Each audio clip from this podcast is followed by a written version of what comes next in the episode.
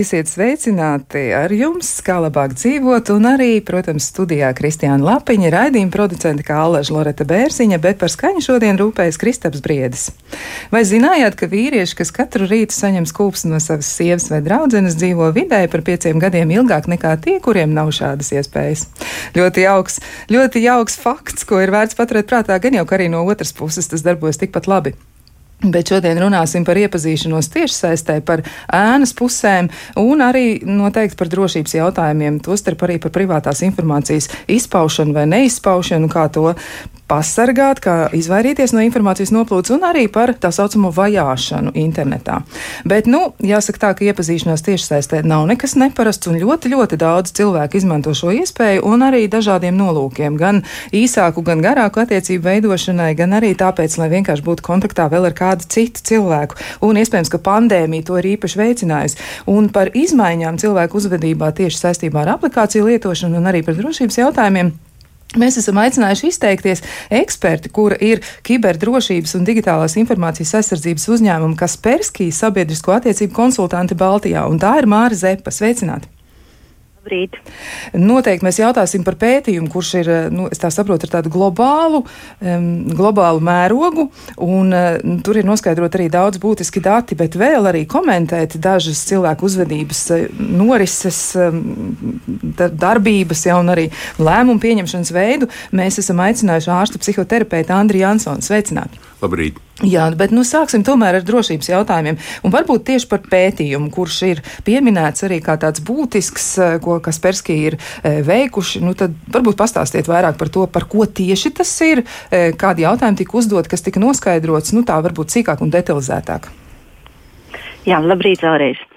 Um, paldies, un es tad, uh, arī sākumā nedaudz vairāk iezīmēšu šo tiešsaistes iepazīšanās popularitāti vispār pasaulē. Un, um, tādi interesanti dati no ASV nāk, kur uh, iepazīšanās uh, tiešsaistē ir populārākais iepazīšanās veids. Tad uh, Stanfordas Universitātes zinātnieki ir izpētījuši, ka 2009. gadā starp heteroseksuāliem pāriem 22% iepazinās tieši online vidē. Savukārt jau 2017. Uh, gadā tie bija 39% kas norāda uz to, ka cilvēki arvien vairāk uzticās šīm iepazīšanās tehnoloģijām. Liekas, ka tāda stigma, kas agrāk uh, bija tāda izteikta, tad, ka šobrīd atkāpjas un par to iepazīšanos tiešsaistē izzūd un tiešām cilvēki tam uzticās vairāk. Jā, un mans pārstāvētais uzņēmums, Kasperski, šī gada jūnijā veica starptautisku pētījumu par iepazīšanos un tehnoloģiju ietekmi uz attiecībām. Tajā piedalījās uh, gandrīz 19,000 cilvēku 27 valstīs, tiešām globāls pētījums. Un, um, lai tā iezīmētu, ka tas tiešām ir um, nu, populāri un nepieciešams cilvēkiem, um, no aptaujātiem 84% atklāja, ka viņi lieto vai ir lietojuši šīs iepazīšanās aplikācijas. Tas ir nu, ļoti, ļoti liels skaitlis. Um, interesanti, ka lielākā daļa no aptaujātajiem ļoti pozitīvi uztver viedu algoritmu lomu iepazīšanās pakalpojumos, jo, piemēram, tātad gandrīz puse, pat vairāk kā puse, 54% no respondentiem piekrīt, ka iepazīšanās lietotnes ir ievērojami atvieglojušas šo procesu. 64% norāda, ka viņu uh, algoritmu ieteikumu pilnībā atbilst viņu vēlmēm, savukārt 43% uh, saka, ka satiktos tikai ar tiem izredzētajiem, ko viņiem ieteicis algoritms. Nu, iespējams, tas liekas ļoti pārsteidzoši, bet tas parāda arī to, kāpēc šī, šī tiešsaistes vide ir uh, nu, ļoti populāra starp cilvēkiem. Bet uh, tā ir tā pozitīvā puse, tā ir tā, kur cilvēki tiešām redz šo, šos iegūmus, bet uh, kā vienmēr medaļai ir arī tā otra puse. Un, um, mēs daudz par to runājam, gan mēdījos, gan sabiedrībā, uh, ka cilvēki šajā online vidē, sociālajos mēdījos daudz dalās ar un uh, publisko informāciju par sevi. Un šajā sakarā drošības eksperti lieto terminu oversharing. Tas nozīmē tātad dalīšanās par daudz, kas tieši attiecināms uz personīgo informāciju. Un tad um, rezultātā, kad cilvēki meklē šo infor, uh, mīlestību internetā, uh, viņi vēlas uh, veidot attiecības uh, ar šīs vides palīdzību, tad par nopietnu problēmu kļūst personas datu vākšana un publiskošana. Tas ir arī tas, ko sauc par doksingu, un uh, tas, par, to, par ko arī varbūt vairāk es vēlētos pastāstīt. Um, dziļāk apskatot šo pētījumu, uh, kas Persky skaidroja, vai lietotāji ir saskārušies ar šo problēmu un kādi ir galvenie apdraudējumi un bažas, um, saskar, nu, iepazīstoties tiešsaistē. Un tika noskaidrots, ka, ka jā, lai gan 54% aptaujāto patīk šīs lietotnes, un viņiem um, tas ir ļoti atvieglojis šo procesu. 55% apgalvo, ka baidās no vajāšanas, ko varētu veikt internetā satikta persona, um, kas ir vienas no doksinga sakām. 16% no aptaujātajiem saka, ka ir piedzīvojuši doksingu. Tātad kāds ir viņus vajājis vai nu šajā online vidē, vai jau tas ir pārgājis arī reālajā vidē. Uh, tās ir tās uh, jau tādas sekas, parādās līdz ar to tāda pārmērīga atklātība online var izraisīt tādas lielas problēmas, jo, jo mēs uh, atstājam tādas milzīgas identificējošas informācijas pēdas, un šos datus var vākt un izmantot uh, ļoti ļaunprātīgi. Um, uh, šie kaitētāji, tā teikt, ko viņi izmanto? Viņi izmanto upura mājas adresi, darba vietas, vārdus, tālruņa numurus, kas viss palielina risku pārnest apdraudējumu no interneta vidas uz fizisko vidi. Kā jau minēju, 16% bija piedzīvojuši doksingu. Tad līdz ar to tas parāda, ka tas apdraudējums ir pat ļoti reāls. Um, nu, konkrētāk par apdraudējumiem, ar ko lietotāji saskaras, tad no šiem uh, aptaujātajiem, kas bija to piedzīvojuši, saka, ka 40% um, bija, uh, bija saskārušies ar to, ka partneris bez atļaujas ir publicējis viņu sarakstus uz uh, ekrāna uzņēmumus, draudējis ar internetā atrastu personisko informāciju, nopludinājis uh, intīmas fotogrāfijas vai vajājis reālajā dzīvē. Um, Nu, bet par visizplatītāko problēmu tiek atzīta kibervajāšana. Jā, tad sīkāk varbūt pastāstiet arī par to, kā tas izskatās, jo tas, ja ir vismaz nu, 16% cilvēku saskārušies ar dažādu veidu grūtībām, tas nozīmē, ka arī pati vide, pati interneta vide ir ļoti pateicīga savā ziņā tiem cilvēkiem, kas var e, veikt šādas darbības, un patiesībā, nu jārunā jau tad droši vien ir par noziedzīgām aktivitātēm. Un tad varbūt pastāstiet sīkāk, jā, kā, tad, kā tad tas tiek darīts. Um, jā, tas varbūt nedaudz atkāpšos. Un, um, cilvēkam varbūt var likties, ka viņš neko tādu īpašu nedara, lai, lai viņš tiktu apdraudēts. Uh, viņš nezinu, neuzvedas provokatīvi. Uh, citi saka, nu, ka viņi nav, nav tik bagāti, lai viņi kādam liktos interesanti. Viņiem nav uh, tāda profesija, kas varētu interesēt ļaundarus, bet tas viss nav par to. Tas viss vienkārši ir um, svarīgi, kāda ir informācija, ko jūs kaut kur esat uh, publiskojis. Um, ļoti bieži šajos iepazīšanās ka, uh, kanālos cilvēki uh, sasaista savus profilus ar sociālajiem tīkliem, līdz ar to uh, cilvēks ļoti, kļūst ļoti izsakojams. Uh, ja, piemēram, nu, tāda, uh, tie mērķi, kāpēc ir, ir kontrole, ir uzmākšanās, piespiešana uz kaut ko, ir uh, vēlme iegūt uh, tādu finansiālu labumu. Varbūt kādam tā ir vienkārši muļķīga izjokošana, nu, bet, vai tur greizsirdības, atriebības, bet būtībā tā ir vardarbība. Um, un uh, cilvēks ar šo informāciju uh, viņš, uh, kļūst ļoti interesants šiem, uh, šiem ļa, uh, mm, ļaundariem. Un, piemēram, savācot informāciju, kur dāma ir, zinot, vai nu kur viņa ēd pusdienas visbiežāk, vai kur viņa dzīvo, ļaundariskot vai vienkārši var viņu satikt pie mājas, vai izsakot, vai saprast, kurā brīdī viņa ir, nav mājās, un veikt šīs kriminālās darbības apzakšanas, jeb, jebkāda veida. Um, cilvēks vienkārši ir uh, ļoti dalījies ar šo savu informāciju, un viņš pat nevar citreiz uh, būt drošs, uh, kā to pēc tam var izmantot kāds. Kas, kas būtu tas, ko varbūt jūs varat pateikt, nu tā ļoti precīzi arī tādu saudabīgu algoritmu, ko noteikti nedrīkst darīt, nu ko nevajadzētu teikt par atrašanās vietu vai, vai plāniem? Nu, varbūt ir kaut kas tāds, kas ir skaidri iezīmējies arī pētījumā, kas ir biežākā problēma, jeb kļūda, ja tā var teikt, nu tā, no tā lietotāja puses, ko tad viņš ir pateicis vai izdarījis, un tas ir ticis izmantots pret viņu. Varbūt jūs varat pateikt nu, tādu drošības noteikumu, nu, tādu īso sarakstu, kas noteikti, noteikti ir jāpaturprātā. Um, nu, tā vien, vienkārši sa, sakot, eksperti iesaka, iepazīstoties tiešsaistē, nu nevajag uh, teiksim, pie profila norādīt uh, kaut kādu sevi identificē, identificējošu um, informāciju. Bieži pat iesaka varbūt vārdu uzvārdu neminēt vai tālruņa numuru atrašanās vietu, kur jūs dzīvojat, kāda ir uh, darba adrese, informācija liek par darbu. Um, jo iepazīšanās kanāli tas ir viens, un uh, sociālai tīkli tas ir kaut kas cits. Un, uh, ja tos spēj visus sasaistīt, uh, tad cilvēks arī kļūst par tādu vieglu ēsmu.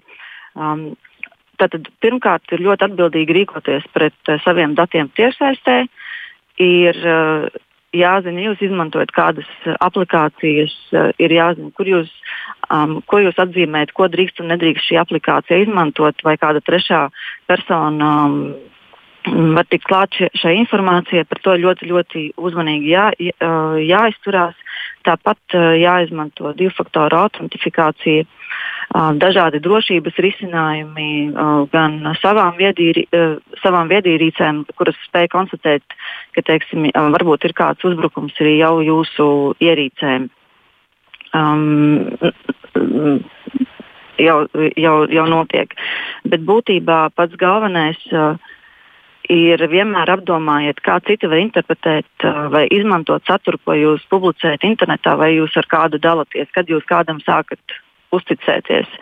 Um, jo nereti arī šie um, aptaujātie saka, ka viņi ir redzējuši jau kaut kādus, pamanījuši, um, um, sazinoties, kontaktējoties ar personām, um, iepazīšanos kanālos, ka kaut kas nav īsti kārtībā. Piemēram, ir jau notiek ilgāka sarakste, sazvanīšanās, bet, piemēram, cilvēks nevēlas sazvanīties video zvanā vai varbūt uh, tikties klātienē. Tas noteikti ir, ja jums rodās kāda sajūta, ka kaut kas nav kārtībā, tas ir jāpatur uh, prātā. Tas varbūt nav tāpat. Un vienmēr jāatcerās, ja, ir, ja kaut kas izskatās pārāk uh, labi, uh, kā tas varētu būt, uh, visticamāk, ka tā arī nav. Līdz ar to ir jāsacās savām sajūtām un nevajag būt pārāk uzticīgiem pret tādiem svešiniekiem internetā. Tās noteikti ir tādas pamatlietas, ko cilvēks pats ikdienā ļoti vienkārši ievērot. Jā, tā tad eh, tas noteikti ir jāpaturprātā, bet eh, šajā brīdī es gribu sarunā iesaistīt ārstu psihoterapeitu Andriju Jansonu un jautāt viņam, nu kas ir tas par nosacījumu, kas nostrādā tieši internetu vidē, ka cilvēki kļūst mazāk vērīgi, viņi vairāk spēj uzticēties, un tas notiek patiesībā reizēm ļoti strauji. Man liekas, ka tur ir tāda dinamika, kā no piesardzības eh, pēc kaut kāda laika aiziet līdz uzticēšanās. Jā. Droši vien tā ir tāda dinamika. Es domāju, ka uh, tie cilvēki, mēs varētu sadalīt to divās daļās. Cilvēki, kur atrodas gan sociālos tīklos, eh, gan iepazīšanās portālos ar labiem nodomiem. Teiksim, viņas labi, labie puiši un labās meitas, jā, viņi tādi ir. Un, uh, tad jau viņi rīkojās atbilstoši savam psihoemocionālajam profilam, savam raksturam, savam temperamentam, savai personībai, un tā viņu attīstība notiek vienā veidā. Savukārt, ja internetā ir uh, sliktie uh, puiši un sliktās meitas, ja, viņi nodarbojās ar demagoģiju, manipulāciju, nodarbojās ar harizmātiskiem paņēmieniem, un iespējams, ka tas kaut kādus cilvēkus var iemidzināt. Un šeit es gribētu piekrist Mārai, kura teica, ka uzticēties savam veselajam saprātam. Ja kaut kas kļūst aizdomīgi, tad pievērsiet tam īpašu nozīmi, jo aiz, tāda, aiz tādiem aizdomīgiem elementiem slēp, droši vien slēpjas kaut kas, vai nu viņš ir um, ļaundaris. Nu, vai nu viņš ir uh, cilvēks nu, ar kaut kādu psihiskā patoloģija, kurš grib darīt, vai arī viņš ir pārdarītājs. Ja?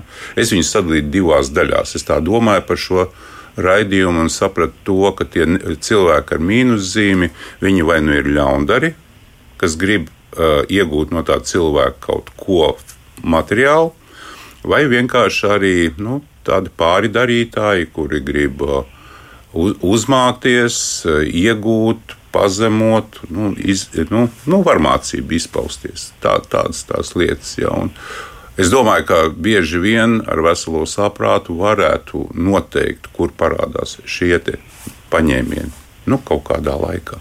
Jā, bet vai tas ir tik vienkārši? Un te es atkal gribu jautāt Mārai Zepai, nu kā tad ir? Varbūt arī pētījumā ir parādījušies dati par to, nu, cik ilgā laikā cilvēkiem ir izdevies to atskārst, jo jūs teicāt, ka var pamanīt, nu, ir kāds pazīmes vai pārāk skaists izskatās šis profils, ja tur ir viss, viss ļoti, ļoti daudz, visa dzīve ir krāšņa, viss ir brīnišķīgi, un tomēr rodas tāda iekšēja sajūta, ka kaut kas īsti nav tā kā vajag. Varbūt jums ir dati, kas to mazliet paskaidro vai ilustrē?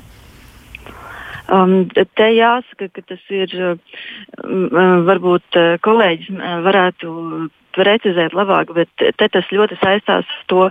Um, ar tādām varbūt cilvēka robežām, cik, mm, kad viņš, kad viņš saka, ka stop, te kaut kas nav kārtībā.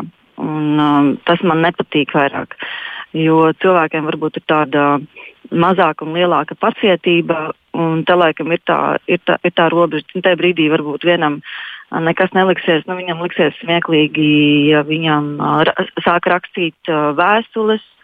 Un um, nemitīgi varbūt tur uh, sekot un laikot, un uh, kādus komentārus rakstīt, kas varbūt nu, nav patīkami, bet nu, nu, mazums. Tur varbūt cilvēks vienkārši tāds ir. Un, uh, kādam jau tas liekas nepieņemami, viņam tas liekas jau par daudz, bet varbūt kāds tikai at, uh, pamostās tajā brīdī, kad ir zvans pie viņa mājas durvīm.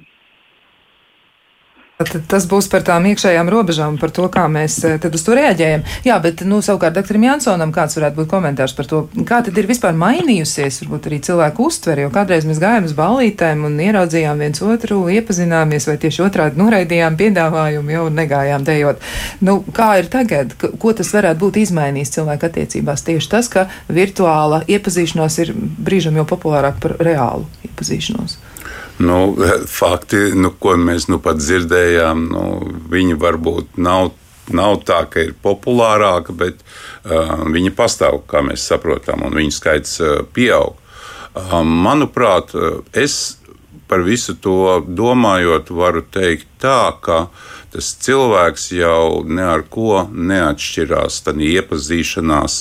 Uh, nu, iepazīšanās paņēmienos, vai viņš atradās senos laikos Latvijā, kurā tur gājas svētdienās uz baznīcu, pēc tam uz krogu, un bija tirgus un gada tirgi un eh, kaimiņu mājas, un tās bija tās vienīgās iespējas, kur cilvēki varēja iepazīties.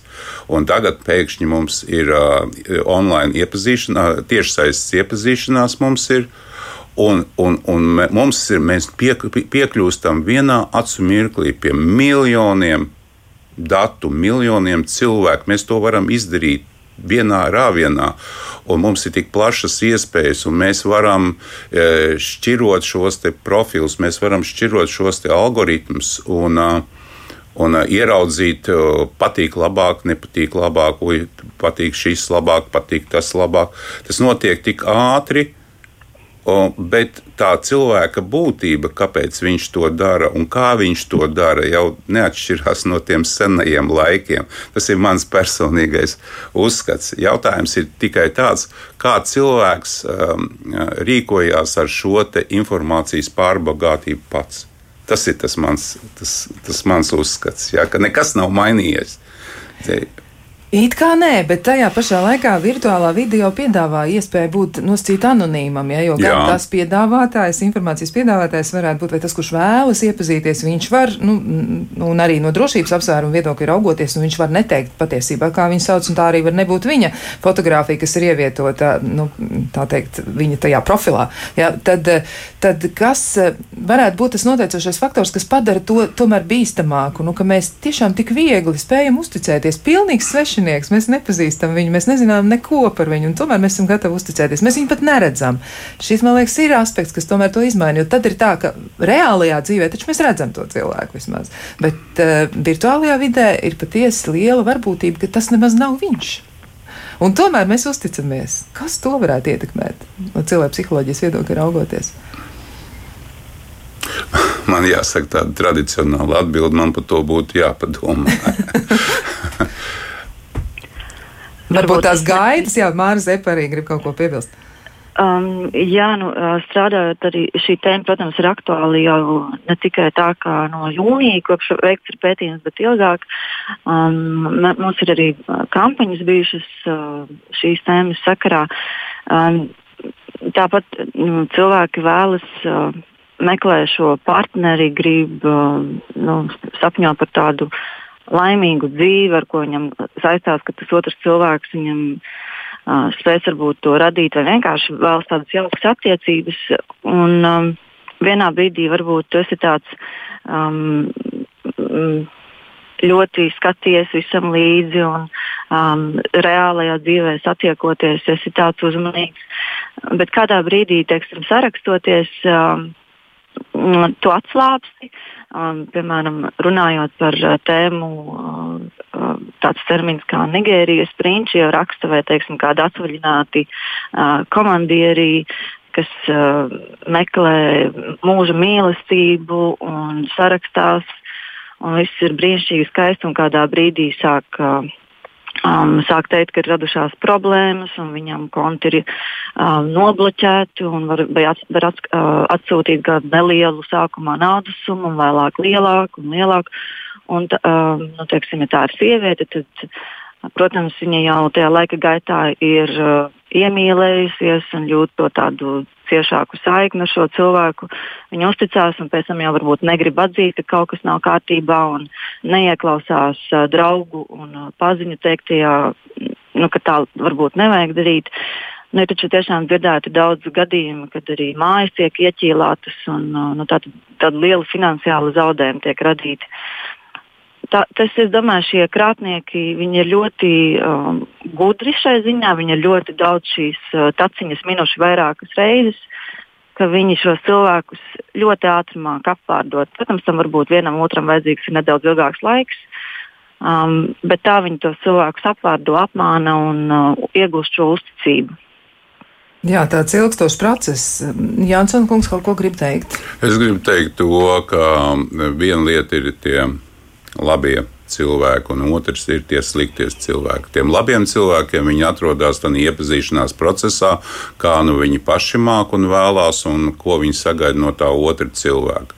Eh, ko, kādas vajadzības viņi grib piepildīt. Savukārt tie sliktie cilvēki, viņiem ir konkrēts biznesa plāns, kādā veidā izkrāpt mantu un līdzekļus. Viņi zina, eh, kādiem vārdiem ir jārunā. Viņi velta katram potenciālajiem uperim noteikti savu kaut kādas pūles, jā, kaut kādu laiku, un es pilnīgi stādos priekšā, ka tur tādi cilvēki, kas ir gan vīrieši, gan sievietes, viņi sēž un nepārtraukti varbūt cenšas runāt ar desmitiem un simtiem potenciālo upuru, rakstot viņam harizmātiskas, aizraujošas vēstules, piespēlējot tai sarunai un tā tālāk un tam līdzīgi. Un tad nu parādās vēl viens moments, moments, jā, ka, um, kāpēc cilvēki ļaujās tiem uh, sliktiem puišiem, tad es gribētu piezīmēt to, uh, ka cilvēkam vajadzētu pašam saprast, kur tad viņš atrodas tajā procesā, ka viņš grib iepazīties, cik, uh, vai viņš var uzdot sev jautājumu, vai es esmu gatavs attiecībām, ko es vēlos no šīm attiecībām, kādas vajadzības apmierinās man šīs attiecības, vai es esmu vīlies iepriekš. Ja, Attiecībās, ja es gribu kaut ko labāku, jaunāku, savādāku, un, un, un, un tad, tad ja, ja, ja tas cilvēks kļūst nekritisks, ja ar viņu ilgstoši, harizmātiski runā, bet ne, ne, tam neseko nekādas aktīvas darbības no tās pretējās puses, kas varētu veidot šīs attiecības, vai no nu kaut kādas uzmanības apliecinājuma, vai kāds, kā jūs teicāt, iepazīšanās, tikšanās, vai randiņu, vai kaut kādas dāvaniņas, vai kaut kādas apliecinājumus, nu, kaut kāds reāls apliecinājums, ka tā otrā puse ir tas labais cilvēks, ja? nevis tas sliktais cilvēks. Bet sastopas tikai visāda veida eh, demagoģijas, manipulācijas, eh, šausmas, eh, izmisumu, palīdz man, tu taču esi labs cilvēks, palīdz man, tas cilvēks, viņš iespējams iekšēji apjūg, viņš grib kaut ko piepildīt, bet viņš ir uzdūries uz to slikto cilvēku. Jā, nu arī tā mēdz būt. Nu, šobrīd gan man jāsaka paldies kiberdrošības un digitālās informācijas aizsardzības uzņēmumu Kasperskī sabiedrisko attiecību konsultantei Baltijā Mārai Zepai. Un vēlreiz paldies par datiem, par pētījumu, kurš ilustrē nu, gan cilvēku attieksmi pret iepazīšanos internetā, gan arī nu, tādi rezultāti tur ir iegūti, kas nemaz tik e, ļoti lielu pārliecību par drošumu nevieš un ir daudz darāmā. Un katram pašam noteikti par to ir jāapdomājas. Bet mēs sarunu par to, kā izvairīties no nelāgām situācijām iepazīstoties tieši saistē, mēs šo sarunu turpināsim pēc īsa brīža. Laiks jūsu jautājumiem! 6722, 888, mūsu e-pasts, klausītājs atlatvijas radio.lv. Turpinām sarunu par iepazīšanās tiešsaistē ēnas pusēm un arī par to, kā neizpaust privātu informāciju un ko vajadzētu ievērot, lai šis process notiktu bez apdraudējuma un galu galā rezultētos ar tādu jauku attiecību izveidošanos, vai varbūt arī vienkārši ar labām attiecībām, kas pāraug draudzībā un eh, arī sniedz dzīvē ļoti, ļoti daudz prieka. Un eh, šobrīd sarunā mēs esam iesaistījuši vēl kādu ekspertu, un tā ir eh, psiholoģijas doktora, psiholoģija un arī specializējusies, viņa ir kognitīva behaviorāla integrālajā psihoterapijā, tātad speciālisti arī tajā jomā, un proti tā ir Diana Zande. Sveicināta! Sveika, labrīt! Jā, lūk, mēs turpinām sarunu par to, cik bīstami vai cik droši ir iepazīties tiešsaistē. Varbūt arī tev ir kāds viedoklis par to, nu tā tīri no tāda cilvēciskā viedokļa raugoties šobrīd. Varbūt sāksim ar to. Nu, cilvēciskais viedoklis man šķiet, ka tas taču ir normāli, ka mēs gribam satikt uh, citu cilvēku. Uh, es domāju, tas skar pilnīgi ikvienu. Mēs negribam būt vientuļi, mēs gribam būt uh, kādam vajadzīgi, veidot tuvību, veidot attiecības, veidot um, nu, dažreiz kopdzīvi, dažreiz draudzību, tieši tā kā tu teici iepriekš. Bet katrā ziņā būt ar kādu. Un, ja mēs domājam par tehnoloģijām, tad tas ir normāli, ka tehnoloģijas sniedz mums iespējas ar vien dažādākos veidos iepazīties. Un, ja mēs vēl domājam par mūsdienu realitāti, kad ir Covid, un tomēr tādas nu, ballītes vai galu galā darba vietās kopā sanākšanas iespējas ir retākas, ir ierobežotākas, tad, protams, ir tikai normāli, ka mēs izmantojam tos alternatīvos veidus, kā iepazīties. Un tas nu ir internets. Tas ir internets, un tomēr atgriežoties pie drošības jautājumiem un arī pie tevis kā pie eksperta, kas to var komentēt, nu kā tad ir? Vai tie cilvēki, kuri meklē iepazīšanās iespējas šādā veidā, vai varētu būt tā, ka kāda daļa no viņiem ir vairāk apdraudēta, un kas varētu to noteikt? Mm, protams, pilnīgi noteikti. Es domāju, tas ir līdzīgi kā dzīvē, jebkur vairāk apdraudēti ir cilvēki, kuri varbūt ir, es negribu teikt naivi, ne, bet tādi varbūt eh, paļāvīgāki uz to, ka viss ir labi un ka man neviens neko sliktu nevar nodarīt. Un, nu, tāda drusku bērnišķīga attieksme, nedomājot par to, ka katrai manai darbībai var būt pretējas darbības un nevienmēr otrā pusē cilvēkam ir uh, labi vai tīri nolūki. Tātad šie cilvēki noteikti vairāk ir apdraudēti, un tas ir abos dzimumos, gan sievietes, gan vīriešu pusē. Ne?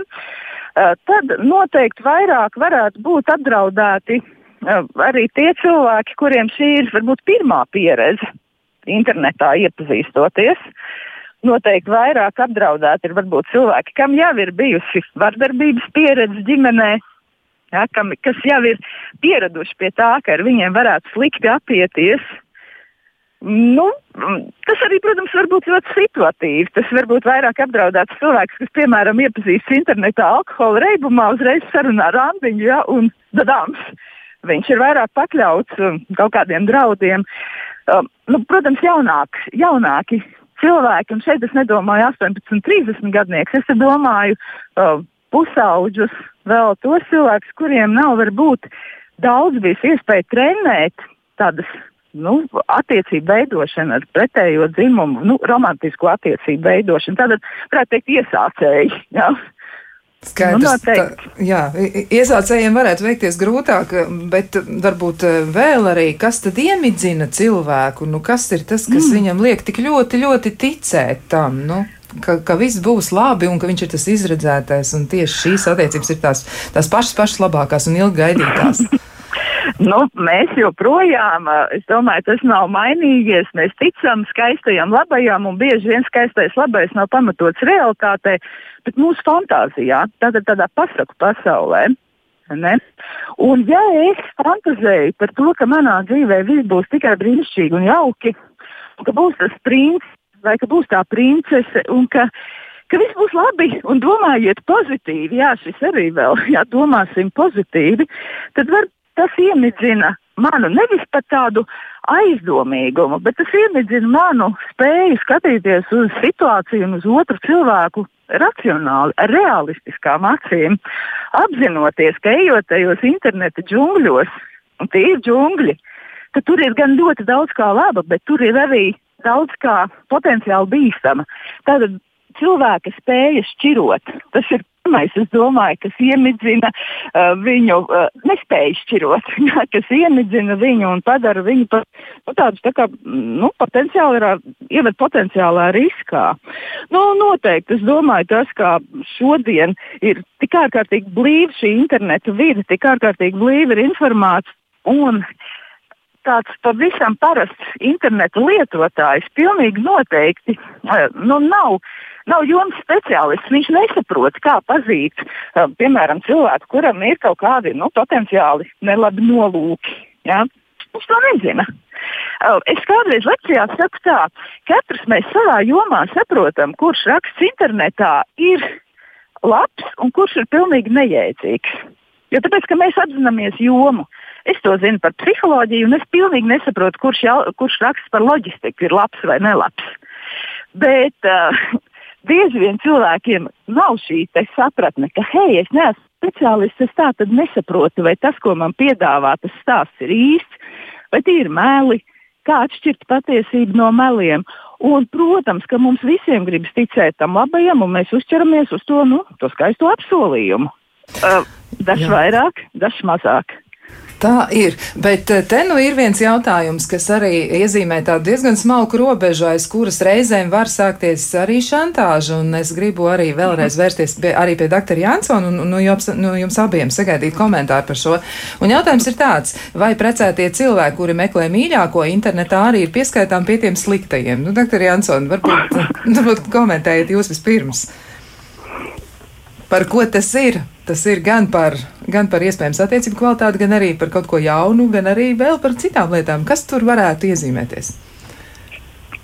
Es domāju, ka viņu esošās attiecības ir, varētu būt uh, ne tik jaukas, un viņi meklē kaut kādus risinājumus. Ja.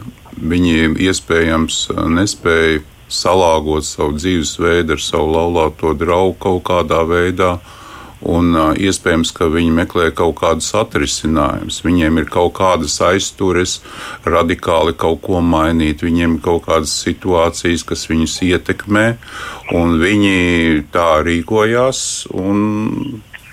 Viņi tā rīkojās. Jautājums ir tāds, kādu vērtējumu dod tam citi cilvēki, tā sabiedrība, viņu bērni, viņu otru laulātie draugi.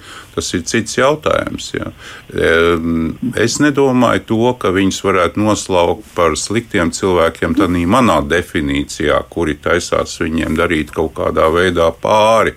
Jo šeit jau šī visā sarunā mēs saprotam to, ka Nu, es vismaz saprotu, ka pāri, pāridarījums ir uh, naudas zudums, mantas zudums un veselības vai dzīvības zudums. Tas ir tas kaitējums. Tā es to šodienas sarunu uztveru jā, no tāda aspekta. Jā. Jā, nu tas ir tas visbūtiskākais, bet mm. iespējams arī, ja cilvēks veido attiecības internetā un tās ir attiecības, kas ir nu, paralēli tām, kas eksistē realitātē, tur jau vēl ir arī dažas lietas, kas parādās. Varbūt Diānai ir kas piebilstams. Man gribētu dzirdēt arī tavu mm. komentāru. Uh, noteikti par šīm paralēlajām attiecībām, kad varbūt cilvēkam ir uh, nu, dzīvesbiedrs vai dzīvesbiedrene, bet viņš meklē vēl kādus citus kontaktus. Tur, protams, var būt arī pilnīgi atklātas lietas, nu, piemēram, atvērtās attiecības, ja, kurās pat tiešām ar vien vairāk pāri iesaistās. Tas varbūt Latvijā ir mazāk, bet pasaulē tiešām ir gana daudz pāri, kur ir vienojušies par to, ka mums ir kopdzīve. Bez tā pieļauj arī citas attiecības.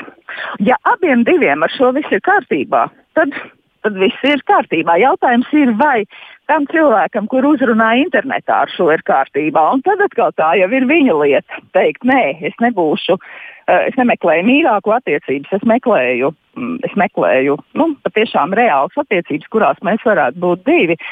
Bet es droši vien teiktu arī, ka tas, mm, tā kā es nebiju sarunā no sākuma, ja tad pie tās eh, apdraudējuma definīcijas nebija klāta. Dažreiz varbūt arī tas emocionālais apdraudējums ir ārkārtīgi būtisks sevišķi varbūt nenobriedušākiem cilvēkiem vai cilvēkiem, kuri jau ir ar kādām nu, traumu pieredzēm, kā es minēju. Un tas varbūt ir tas, ka tāda sāpīgu pieredžu sērija vai pašā Tinderī vai, vai kur citur, tā cilvēkam var radīt nu, domāju, tādas psihiskas problēmas, ja, kuras atkal vai viņš risina vai nerisina. Tad nu, tas tomēr arī ir zaudējums. Jā, bet droši vien nevar teikt, ka ir tikai slikti eh, vai tikai labi kaut kas, jo katrā tajā atsevišķā situācijā jau ir tas konteksts. Un tomēr vai tas cilvēks, kurš iet ārpus savām attiecībām, kurās viņš ir un meklē vēl kādas citas attiecības, vai tas ir atklāti, vai tas ir skaidrs abām pusēm. Un tad, kā jau teicu, tas varbūt nemaz nav slikts, tas ir viņiem pieņemami vai arī kāpēc viņš to dara un ko dara tas, kuru šis cilvēks meklētājs uzrunā. Jā, tā tad tas arī varētu būt viens no kritērijiem, ja tas attiecība atklātums, arī tas, ko cilvēks mm. saka, ja tad tā otra puse, ko tad viņi par sevi saka un kas ir tas iespējamais nu, iemesls, kāpēc cilvēks vēl šīs attiecības konstruēt. Bet um, viens no komentāriem arī ir šāds, ka no klausītājiem tātad, ka Latvijā cilvēkiem vajadzētu aizdomāties, kāpēc gan kādam no ārzemēm būtu vēlmi iepazīties ar viņu, vai šeit vispār ir kāda loģika saskatām. Un man liekas, ka te doktoram Jansonam ir komentārs varbūt bez tādām ļoti sīkām detaļām, ja, bet par to evolūciju, kā tas var notikt, ja, kā kāds tiek uzrunāts no kaut kurienes un ar ko tas beidzas. Varbūt jūs varat iezīmēt to stāsta, nu, stāsta chronoloģiju, kā tas notiek bieži nu, vien. Es varētu to iezīmēt tādā veidā, ka uh, mēs, uh, man liekas, gandrīz tuvu 90% vai 80% mēs visi esam Facebook. Ja? Vai mēs esam mm. kaut kur LinkedInā profesionālajā tīmeklī. Un, uh, man, jā, man jāatzīst, ir tas, ka nevis jāatzīst, bet jā, jāpasaka tas, ka katru mēnesi es saņemu vismaz trīs, četrus, piecus pieteikumus mm. no dažādiem nepazīstamiem ārzemju cilvēkiem par, par to, ka viņi vēlās piesaistīt man kaut kādam biznesam vai piedāvāt kaut kādus pakalpojumus, vai apskatīties uz uh, karstām meitenēm, kas ir viņu reģionā, un tā tālāk, un tam līdzīgi. Un līdz ar to tā, tā pirmā lieta ir tāda, ka šeit būtu ikvienam jāieslēdz savu kritiskā domāšana un, un, un jāsaprot tas, ka nu, tas izklausās visai dīvaini un droši vien, ka to nevajadzētu attīstīt. Bet, ja, ja cilvēki ir neatlaidīgi otrā pusē, tad viņi uh, pirmām kārtām, es pieļauju to, ka rada tādu, nu, tā sevi, sevi pasniedz kā esošu, ar savām nodarbēm, ar saviem vaļaspriekiem, ar savu darbu, ar savu ikdienu. Viņi cenšas piesūtīt dažādus tur informāciju valodā, cenšas rakstīt jūsu valodā vai rakstīt angļu valodā, sūtīt bildes, apvaicāties, kā iet, pastāstīt, ko dara, pēc tam, un pēc tam stūrēt kaut kādā virzienā, kur tas ir.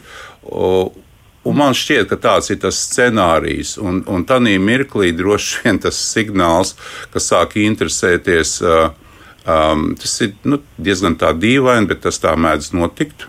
Es saprotu, ka tas tā notiek. Tad tādā momentā, kad sāk interesēties par tevi padziļināti. Ja. Droši vien, ka vajadzētu ies, ieslēgties kaut kādai tādai sarkanai lampiņai, kad pateikt, ka kaut kas tur nav īsti labi. Ja. Par mantu vai, vai, vai nodarbošanos vai vēl kaut ko. Ja. Teikt, arī Diana ir kaut kas piebilstams pie šī. Jā, jā es tajā brīdī, kad, um, kad uzzināju to ārzemnieku iepazīšanos, man pēkšņi ienāca prātā vienas manas uh, paziņas pieredze, kura 90. gadu vidū iepazinās internetā un nodibināja ģimeni un joprojām dzīvo laimīgi. Bet tie patiesībā nav tie, nu, tā nav tā ikdiena. Tie ir tie retie stāsti, kur patiešām tas ir izdevies. Un jāpiebilst, ka 90. gadu vidū tas vēl nebija. Nu, šāda iepazīšanās internetā bija daudz retāka. Bet es domāju, ka uh, man patīk šī ideja par kritisko domāšanu. Ja, ka, uh, tas ir tieši tāpat kā tad, kad mēs ejam pie speciālista vai kad mēs lasām kādu rakstu internetā. Vajag paskatīties, kas ir tas cilvēks, kas to raksta, kas to sludina. Ja? Kāda ir viņa izglītība, vai viņš vispār ir jomas speciālists. Ja? Tas bieži vien attiecas uz dažādām palīdzošajām specialitātēm, ja? kur ir daudz šo te. Uh, guru. Un tieši tāpat var paskatīties uz šo cilvēku, kas ir uzaicinātājs. Un es esmu ievērojis, nu, manā Facebookā man regulāri aicina dažādi brīnišķīgi vīrieši no ārvalstīm. Nu, viņi izskatās tik daļi. Un tas, ko es daru, nu, tad es viņus sen jau dzēšu ārā, vienkārši neapstiprinu. Bet kādreiz es darīju tā, es paskatījos. Uh, to viņa profilu. Un kas tur ir? Ir ļoti vīrišķīgs vīrietis, un viņa profilā ir kaķīši, sunīši un rozes. Halo! Kā tas iet kopā. Un parasti viņš ir atvaļināts armijas pulkvedis vai majors vai kaut kas tāds ļoti, ļoti tāds, nu, emocionāli uzrunājošs. Un šajā brīdī apstāties un pagaidi, kāpēc viņš, šis cilvēks, pirmkārt, ja viņš ir armijas um, pulkvedis, kāpēc viņš liek kaķīšus un sunīšus, kas principā atbilst 16-gadīgas meitenes izpratnē par romantiku. Nu, mazāks 13-gadīgs meitenes. Ja? Un kāpēc viņu interesēju es? Kuras profilā pa lielam nekā tāda nav, kas varētu viņu. Nu, jā, tātad šis ir kāpēc šis cilvēks uzrunā mani. Ar ko es esmu tik īpaša, kāda Džona Smita acīs. Ja? Tā ir, tā ir diezgan svarīga lieta. Un patiešām skatīties, nu, ja kāds cilvēks ļoti ieinteresē, uh, var meklēt, es tajā pašā LinkedInā esmu skatījusies, kas tas cilvēks tāds ir. Es skatos, kā, ar ko man ir darīšana.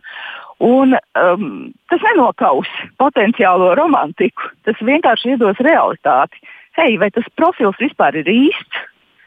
Jā, vai te, kas, kas te ir apakšā? Jā, ļoti ātri tam sarkanām lampiņām vajadzētu iedegties, jā, lai pārbaudītu un, un neiekristu nu, kaut kādā tiešām virtuālā melu un potenciālo draudu pasaulē.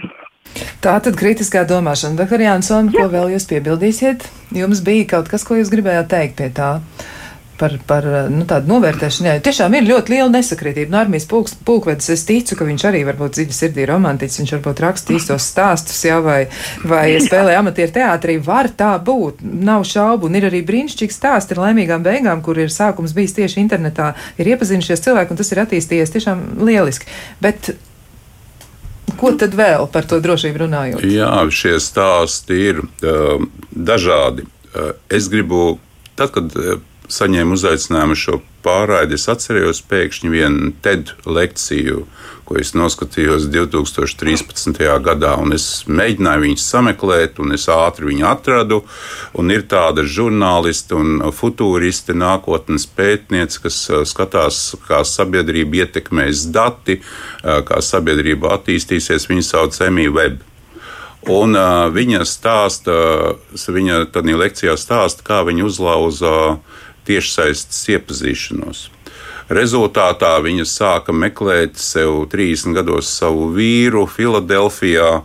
Un tas stāsts bija tāds, kā varētu būt klasika visiem cilvēkiem, kuri iepazīš, iepazīstās internetā ar to, ka viņa um, no sākuma ielika savu profilu.